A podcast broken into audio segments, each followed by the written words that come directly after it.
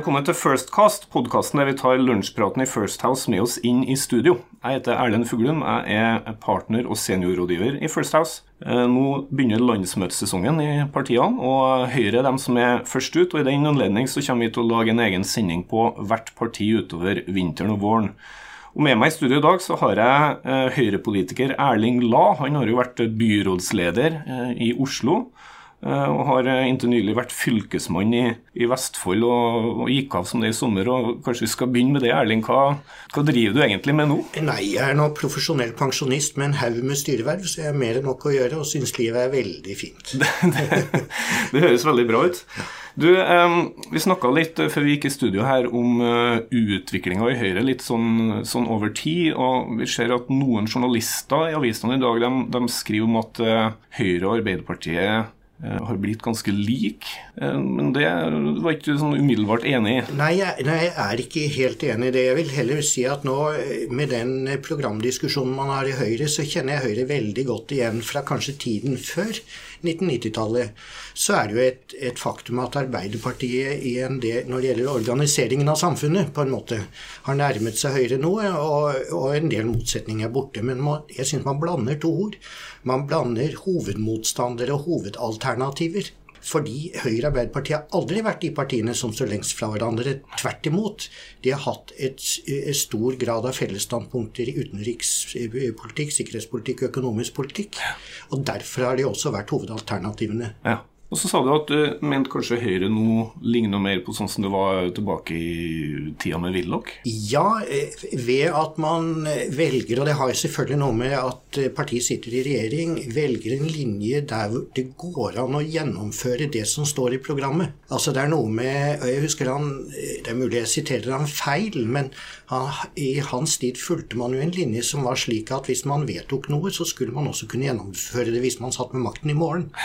Og for velgertilliten så tror jeg det er klokt, det. Ja, altså Det har jo vært mye snakk om at uh, Erna har prøvd å gjøre Høyre til et, et bredere parti, kanskje mer av et folkeparti, favne flere, litt mykere i kantene. For noen år siden var det snakk om at man uh, det var mennesker, ikke milliarder, som talte. Er det, er det også litt sånn uh, velgertilpasning vi ser i, programarbeidet og i diskusjonene? Ja, Det er klart, det, det, er jo alltid et element i alle partier, for du skal jo ha oppslutning. Men, men, det ligger nok en bevisst linje i det. Altså Du kan si det er jo en linje eh, tilbake egentlig til Erling Norviks partiledertid. Ja. Eh, som også eh, bygde opp det folkelige, brede Høyre. Fordi Høyre hadde stagnert som et 20 %-parti, og med størst oppslutning helt klart i de sentrale strøk av landet, og særlig sentrale Østland. Og det var ikke partiet fornøyd med, og de hadde hatt en fortid hvor det ikke var sånn. Men nå ser vi jo en, en ny debatt i politikken i Norge med litt sånn fornya by-land-diskusjon. Hva Hvordan ja. syns du Høyre takler den? Nei, Den tror jeg har kommet litt bardus ja. eh, på. Eh, selv om dette er en internasjonal trend. Ja. Eh, så en bør egentlig ikke bli overrasket. Og så er den jo ikke ny i det hele tatt i Norge. Eh, hva med EU-debatten vi hadde i 1972 og i 1992? Og at den dimensjonen kommer frem igjen, er ikke rart. Men vi har i Norge, og det er interessant, et politisk landskap med andre politiske betegnelser for disse standpunktene enn i nesten hele Europa. For de standpunktene, altså mot eh, integrasjon i EU, mot globalisering, mot for mye frihandel og skepsis til innvandring, det er jo standpunkter du i Norge langt på vei kan finne på den ytre, ytre venstre fløy, mm. men også i sentrum, mm. i Senterpartiet. Eh, mens det er et litt annet politisk kart i utlandet. Og det er i og for seg interessant, for i den konteksten så er jo Høyre et liberalt sentrumsparti i utlandet. Men eh hvis vi ser på konkret, et konkret eksempel, sånn som den ulvesaken som det har vært veldig mye debatt om også internt i Høyre. Det er egentlig en ganske en sånn uttalt opposisjon, særlig fra Hedmark Høyre. da. Er den sånn, blir den et symbol på hvordan partiledelser håndterer den litt større debatten, eller er den mer spesifikk? Den er nok litt spesifikk, men den sier egentlig to ting. For den sier noe om det forrige vi diskuterte med bevegelsene politisk i Europa nå. Mm. Altså Det er noe med at det du litt feilaktig kan kan kalle periferi, finner seg ikke i å bli overstyrt. Nei. Og kanskje er det viktigere enn selve ulven. Ja. Og så var det metodikken. For det må være lov å si at måten det ble gjort på, var ikke veldig elegant. Altså. Hva burde han gjort annerledes? Jeg, jeg, på, altså, jeg, jeg, jeg syns argumentasjonen er lett å skjønne. Altså, du kan ikke bryte internasjonale konvensjoner, du kan ikke bryte norsk lov. Men da går det jo an å gå til Stortinget og involvere dem før en lander på det standpunktet. En kan jo til og med være litt lei seg mm. for ikke å oppfylle Stortingets forutsetninger og si ja, men dessverre, det gikk ikke. Hvordan jobber vi nå videre? Istedenfor bare å feie et stortingsvedtak til side. Det var ikke lurt. Og så var det timinga med at det kom på lille julaften. Eh, det var, det var, kanskje et forsøk på å være lur, men som, som slo veldig hardt tilbake. Ja, det var en veldig dum måte å være lur på. Det gjaldt jo en annen sak jeg selv er involvert i nå som styreleder i Norsk Friluftsliv. fordi de slapp jo også endringen i vannskuterdirektivet på lille julaften. Kanskje i den tro at da ble det helt stille i julen, og så var det gått over. Men eh, vi som var helt uenige i regjeringen, der vi fikk veldig god tid til å forberede oss på ja. hele julen. Så det var ikke lurt. Det gikk ikke over, for det var en stille uke. Og det har det heller ikke gjort med ulvedebatten. Det har det definitivt ikke. Det er jo, det er jo mye eh, diskusjon om ulv på landsmøtet, og nå skjønner jeg, men en ting jeg har tenkt litt på som fascinerer meg, som, som har bakgrunn fra et, et, annet parti, det er at på ene sida så er jo Høyre et uh, veldig dannet parti der folk går ganske godt i takt. og Det er ikke mye sånn opprør, skulle jeg si, og, og folk er veldig høflige i formen på alle måter. Men samtidig så er det tydelige diskusjoner eh, internt i Høyre, og som også synliggjøres utad, uten at det ser ut til å stresse partiledelser. Jeg husker for noen år siden at det jeg husker ikke de konkrete detaljene i saka, men det var noen diskusjon om abortlovgivning som, som gikk veldig fritt i landsmøtesalen. uten at uh, og på en, var på en måte ble en fin debatt uten at partiledelsen var stressa. Hvorfor går det så bra for Høyre å, å, å ta litt sånn vanskelige diskusjoner? Altså, en del andre partier er veldig opptatt av kontroll. Eh, ja, det er historisk interessant. Fordi nesten i alle norske partier har du hatt avskallinger og splittelser. Aldri Høyre. Nei. Men eh, Høyre er jo på en måte en slags koalisjon mellom eh, liberaler med et sterkt sosialt engasjement, eh, liberalister, økonomiske liberalister og verdikonservative. Men det er ikke skarpe skiller. Og samme person kan være litt av hvert, på en måte. Og det gjør at det går an, i den høyden du da får i partiet, å ta disse diskusjonene uten å bli uvenn. Og så er det ikke bundet opp til kanskje økonomiske egeninteresser.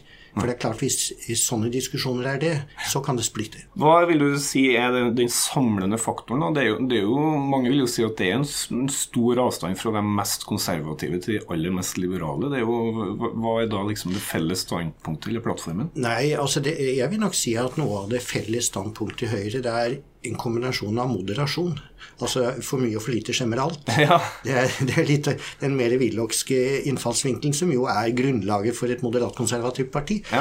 Men, men, eh, så er det også en eh, ansvarlig reformpolitikk. Altså dette med å forandre for å bevare.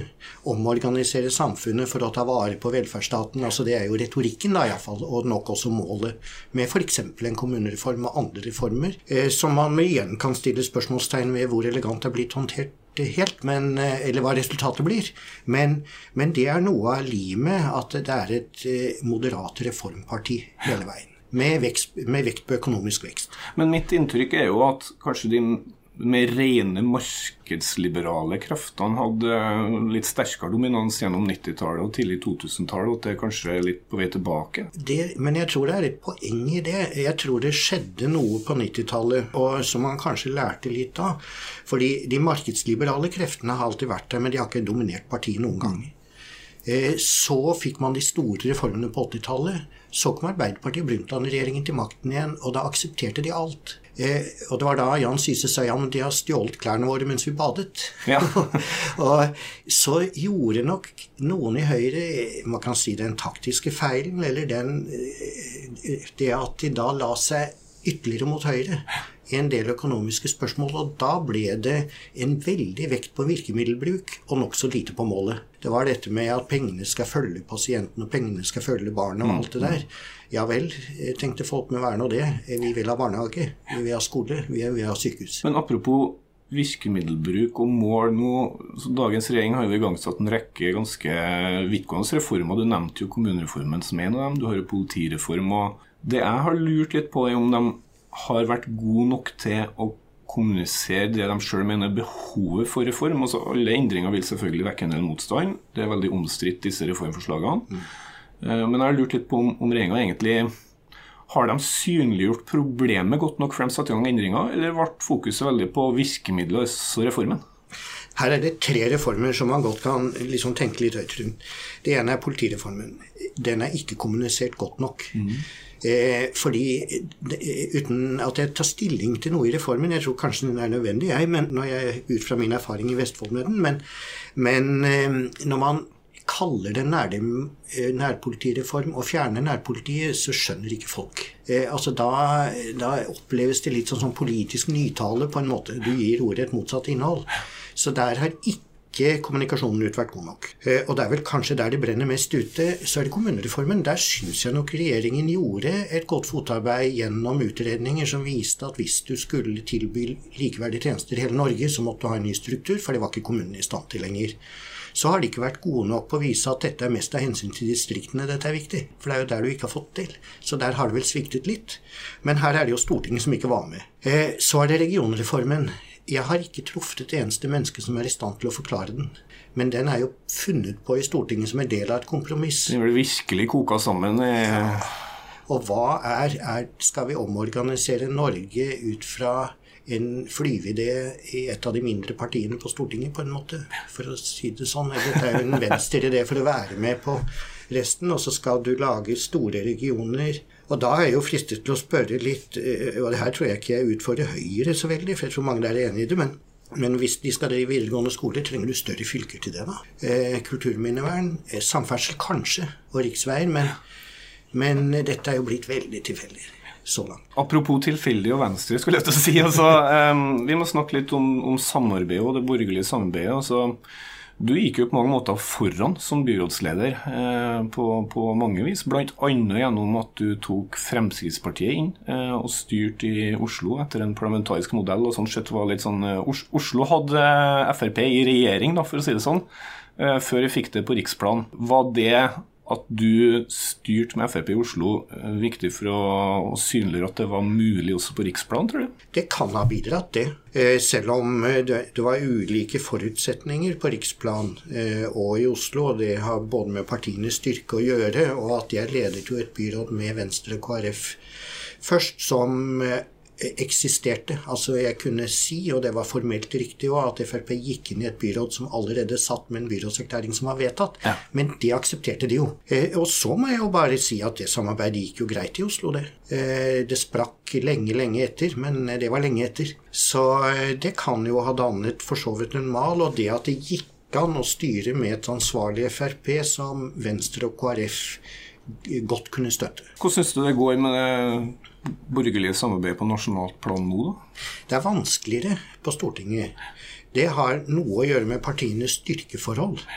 Fordi enn det jeg hadde. Jeg hadde et eh, i Oslo Nå er jo Venstre større enn Frp her, men det, det var det ikke den gangen jeg styrte. Men, men, det var noe med at Høyre var så mye mer dominerende. De hadde alltid over halvparten av de borgerlige stemmene. Eh, på Stortinget er dette mønsteret annerledes, slik at FrPs rolle i regjeringen er jo mye sterkere. Og det skaper en større slitasje, kanskje, mot eh, Venstre og KrF. Jeg har jo tenkt på det at det det er så rart hvor fort det skifter. Hvis vi tenker bare en par måneder tilbake, man, før man kom i mål med statsbudsjettet, så var jo bildet veldig kaotisk. Og det var litt sånn, det ble spekulert i avisene om, om, om Erna Solberg klarer å skaffe landet et budsjett og sprekke alt sammen nå eller ikke. Og så har vi de siste ukene sett eh, lekkasje etter lekkasje på Nasjonal transportplan, der de fire samarbeidspartiene opptrer eh, som en, eh, en, kjærlig søskenflokk, nesten. Og det er bare smil og is og brus og i det hele tatt. Eh, det skifter jo utrolig fort bildet. Ja, det gjør det. Det gjør det, Og det har jo noe med dramaturgien å gjøre. Eh, både med et budsjett og med revidert budsjett. Og så tror jeg vel kanskje det har vært en vurdering i både utenfor regjeringen og i regjeringen at alle tapte. Folk liker jo ikke krangel. Altså folk vil ha løsninger. Og det tror jeg nok har seget inn, og det er nok helt sikkert fornuftig òg. Men eh, ellers så er det jo kommet et Når det gjelder Frp i regjering, så, så, må man jo også der vurdere ut fra hva gjør de faktisk. Og i et eh, europeisk perspektiv så er jo Frp også eh, et parti i regjeringsposisjon som er et helt greit mer sentrum-høyre eh, europeisk parti. Og kanskje har dette regjeringsprosjektet gjort at Norge har ikke fått det høyrepopulistiske partiet som man har rundt oss nå i alle andre land. Eh, og en skal ikke undervurdere det positive i det. Ansvarliggjørende i å bli faktisk tatt inn i varmen? Ja, er, for det første er det noe med at uh, gi ansvar, og folk tar ansvar. Ja. Og det ser man også i politiske partier. Det er ikke dumt, det, altså. En forskjell på dette stortingsvalget og det forrige er jo at for fire år siden så lova alle de fire borgerlige partiene at hvis det ble borgerlig flertall, så skulle det bli borgerlig regjering. Eh, den setningen vil eh, ikke alle gjenta på samme måte nå. Og, og KrF og Venstre er ganske tydelige på at de ønsker ikke Frp regjering. Hva gjør det for Erna Solberg eh, før valgkampen, tenker du? Jeg tenker da litt tilbake til, til den parallelle posisjonen i Oslo i 2007, da det hadde vært fire år med Høyre-Frp. og så kjørte ikke KrF den gangen her, fordi i Oslo er KrF så veldig borgerlig, men, men Venstre kjørte den samme formen for argumentasjon. Og det var på en måte nødvendig innad i partiet. Men de sa samtidig noe jeg er veldig spent på om de vil si nå mm. på riksplan, og det var vi kommer aldri til å innsette et sosialistisk eh, byråd, sa det i Oslo. Ja. De kom aldri til å innsette Arbeiderpartiet. Om de vil si det samme i stortingsvalget, det skal være litt spennende å se. Og jeg tror det er Venstre som har det vanskeligere enn KrF nå. Det gjelder jo også på målingene. Vi må kjapt innom dem litt òg. Venstre sliter jo mer med å være under sperregrensa enn KrF gjør. Ehm, jeg så litt tilbake på tallene tidligere i dag, og det som slo meg med Høyre der, det var jo hvor utrolig stabilt Høyre egentlig har ligget. Eh, hele siste året så har det vært eh, sånn maksimalt pluss-minus eh, to prosentpoengs endring gjennom et, et helt år. mens mens Arbeiderpartiet, Frp og Senterpartiet har vært oppe i sånn 4-5 prosentpoengs uh, endring. Og så, som det ser ut på målingene nå, så, så ligger jo uh, og det er langt frem til valget, men, men, men eh, et resultat på sånn 3-4-25 det er vel et anstendig resultat for Høyre etter fire år i regjering? Ja, etter år med regjeringsslitasje og såpass uh, lenge igjen i det siste året før et stortingsvalg, så er det i og for seg det så er det alltid sånn at et regjeringsparti løfter seg på slutten. For det må man nesten regne med. Det er nesten sånn lovmessig, det. Så ja, det er stabilt. Men det er litt sånn man kan klø seg litt i huet òg. fordi hvis du ser distriktsmålinger fra indre Østland, særlig den ulvedebatten, så ser en en markant overgang fra Høyre til Senterpartiet. Eh, men det er mulig det ikke gjelder så veldig mange velgere, for det er grisgrendte strøk, altså. Eh, men man må jo da tro at det har vært en overgang fra andre partier til Høyre i noen sentrale strøk, uten at det behøver å være så veldig mye. Eh, så her er det jo spennende underlagsmateriale tilsvarende de veldig interessante tallene fra Oslo ved kommunevalg og stortingsvalg hvor det er veldig stor forskjell. Ja, for at det, Vi snakka om ei måling der det var nesten sånn diametralt motsatt fordeling mellom Høyre og Arbeiderpartiet i, i Oslo-måling, var det sånn? Ja, det stemmer. Så får vi se om dette varer ved. Det tror jeg kanskje det gjør. I den målingen så så man at Høyre hadde vel en ca. 28 ved stortingsvalg, og Arbeiderpartiet flere og 30.